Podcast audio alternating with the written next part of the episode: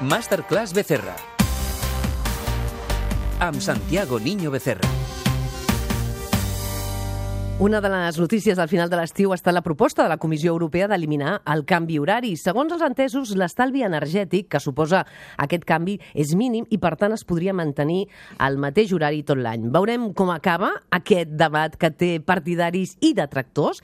El que sí caldria corregir és la frase hem d'avançar o endarrerir els rellotges. Ja fa temps que els smartphones, els ordinadors o les tauletes, l'hora es canvia sola i no ens hem de preocupar de res.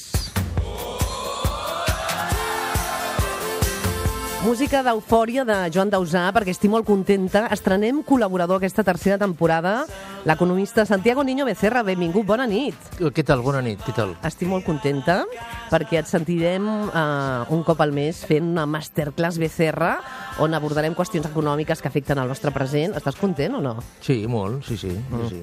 Molt bé. Perquè, perquè té, té, té recorregut, té recorregut. És a dir, bueno, el meu objectiu sempre ha sigut mm, el mateix, eh, informar i donar eh, lloc perquè les, qui eh, m'escolta, ens Sí. escolta, eh, pensi, pensi en el que sent. En el que passa, en el que passarà en l'economia, i comencem, si et sembla, Akbar. Akbar torna. Torna a tenir seu social a Catalunya. Aquesta setmana ho hem conegut, després d'haver-la traslladat a Madrid, la setmana després del referèndum de l'1 d'octubre, per la incertesa política. I el grup ha decidit tornar, com dèiem, a Barcelona, perquè consideren que hi ha estabilitat econòmica. Què et sembla aquesta notícia? Tornaran més empreses, ens preguntem? Bueno, a, a veure, eh, abans de tot, eh, deixa'm matitzar eh, això de que eh, se'n va anar i ha tornat. A veure, el que va fer Akbar i van Canviar fer unes quantes me empreses més és canviar la seu. Què és la seu? La seu és un despatx que pot ser una habitació de 4 metres quadrats, una taula, un telèfon, eh, i una persona que eh, atengui aquest telèfon. Això, això pot ser una seu. Mm, la seu pot estar mm, on, on sigui, és exactament igual. El, el tema és on es produeix el negoci. Eh, llavors, mm, Akbar va traslladar unes oficines mm, per una sèrie de raons fa uns mesos i ara ha tornat. Eh, I, per exemple, Pastas Gallo, Pastas Gallo mm, va traslladar la seva seu a Còrdoba. Doncs, vale, fantàstic. Eh, eh, però mm, Pastas Gallo continua fabricant a Catalunya. Uh -huh. eh, llavors, la, jo, jo penso que la lectura que faig això, eh, d'aquest tema, és que mm, fins ara era molt important on estava la seu, Eh, la seu era un edifici eh, corporatiu, un edifici... mm, Eh, Manhattan, per exemple, està ple de, de seus, de companyies, però jo, jo crec que a partir d'aquí el que es posa de manifest és que um, la seu ha deixat, ha deixat de ser important. Uh -huh. La seu pot estar on sigui. Mm, si Però més és, és certa aquesta estabilitat econòmica, eh, que diuen? Consideren que hi ha estabilitat econòmica. Hi ha estabilitat econòmica Però és que la, a Catalunya, creus? Eh, mm, hi ha estabilitat econòmica. Mm, Jo penso que no hi ha estabilitat econòmica en lloc.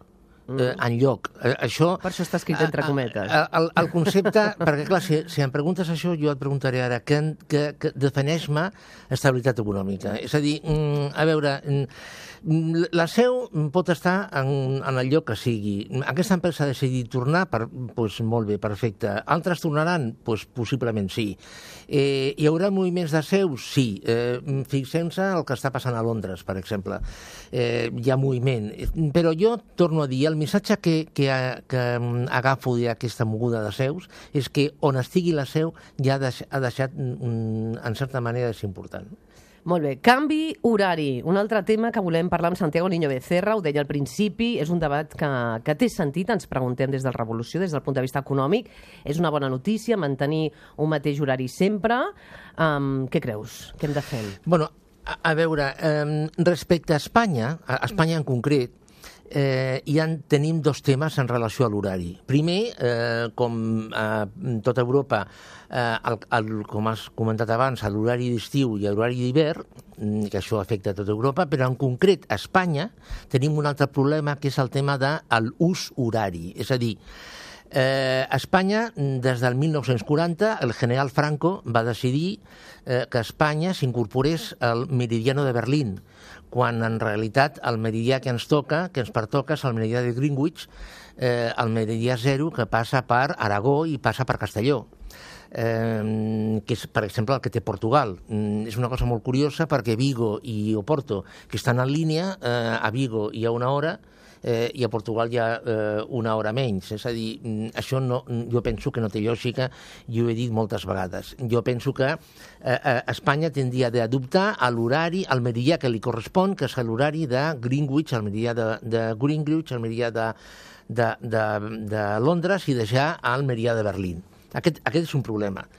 El segon problema, mm, bueno, com has comentat ara, l'estalvi energètic és ridícul, és a dir, eh, són cèntims, és calderilla, mm, i els experts els, en, en medicina diuen que aquest, aquest ball d'una hora amunt i avall, als nens i a les persones grans els hi afecta molt. Uh -huh. eh, llavors, clar, eh, ja fa anys que s'està parlant d'aquest tema, l'any 74 es va introduir aquesta hora de més, amb, a, abans potser tindria una, una, una importància més gran, ara no. Jo penso que, que això es tindria d'eliminar. Jo, evidentment, sóc partidari d'eliminar eh, aquesta hora de més, aquest horari d'estiu de, d'hivern, eh, i mm, anar eh, a Espanya, en concret, al, al meridià que li pertoca, i continuar sempre amb, amb el mateix horari, sense canvis. Tercera qüestió que et plantegem aquesta nit, en aquesta masterclass Niño Becerra, el PSOE es planteja pujar l'IRPF als professionals que que ingressen més diners. Des del punt de vista econòmic, té sentit? És una mesura d'aquelles que se'n diuen eh, de cara a la galeria? A, a veure, mm, d'entrada s'ha de definir què són més diners. Eh, 150.000 euros eh, de guany a l'any són mm, més diners, eh, 120.000, 200.000... Per molta gent són molts diners, eh? Mm, sí, eh, però és que jo, jo penso... Jo, si parlem del sou mig que hi ha a l'estat espanyol o a Catalunya. Eh, sí, mm, i, i és un tema que possiblement es tindria de, eh, de parlar. Però és que jo penso que abans d'abordar el tema de si es puja l'IRPF a qui guanya més de X, es tindria d'abordar un altre problema previ, que és el frau fiscal. És a dir, eh, Espanya mm, té un frau fiscal que s'ha estimat mm, de entre 60 i 90.000 mil milions d'euros anuals. És a dir, perquè ens situem, si Espanya eh, recuperés el 100% d'aquest frau fiscal, mm, la qual cosa és impossible, evidentment, i anant a la part baixa, és a dir, parlant de 60.000 milions, Espanya no només mm, ajugaria el seu dèficit fiscal que té, sinó a la vegada tindria un superàvit d'un 3% del producte interior brut. Mm, Espanya, mm, ara em preguntaràs, i, però Espanya no es persegueix el frau fiscal, es persegueix molt poc poquíssim. De fet, el cos d'inspectors d'Hisenda eh, està mm, constantment reclamant més recursos per perseguir el frau fiscal. És a dir, mm, pa parlar, parlar de l'IRPF, pues, eh, fantàstic. Eh, parlar dels nivells de, de, que, que s'han de començar a pagar o a cobrar l'IRPF, pues, fantàstic. Però abans de, abans de tot, jo penso que s'ha de començar a parlar del frau fiscal. Ah, ens queden dos minuts. Volíem parlar de l'atur amb tu. Segons les estadístiques, aquest estiu s'han creat menys llocs de treball. Ens hem de mirar el món laboral amb preocupació. Si mirem les xifres de l'atur eh, juvenil a la Unió Europea, mm, si està al 16 o el 17%, a l'estat espanyol, atenció, està al 35%. Uh, això és insostenible? Eh, mm, bueno, a, a veure, les coses són sostenibles mentre es vulgui que siguin sostenibles.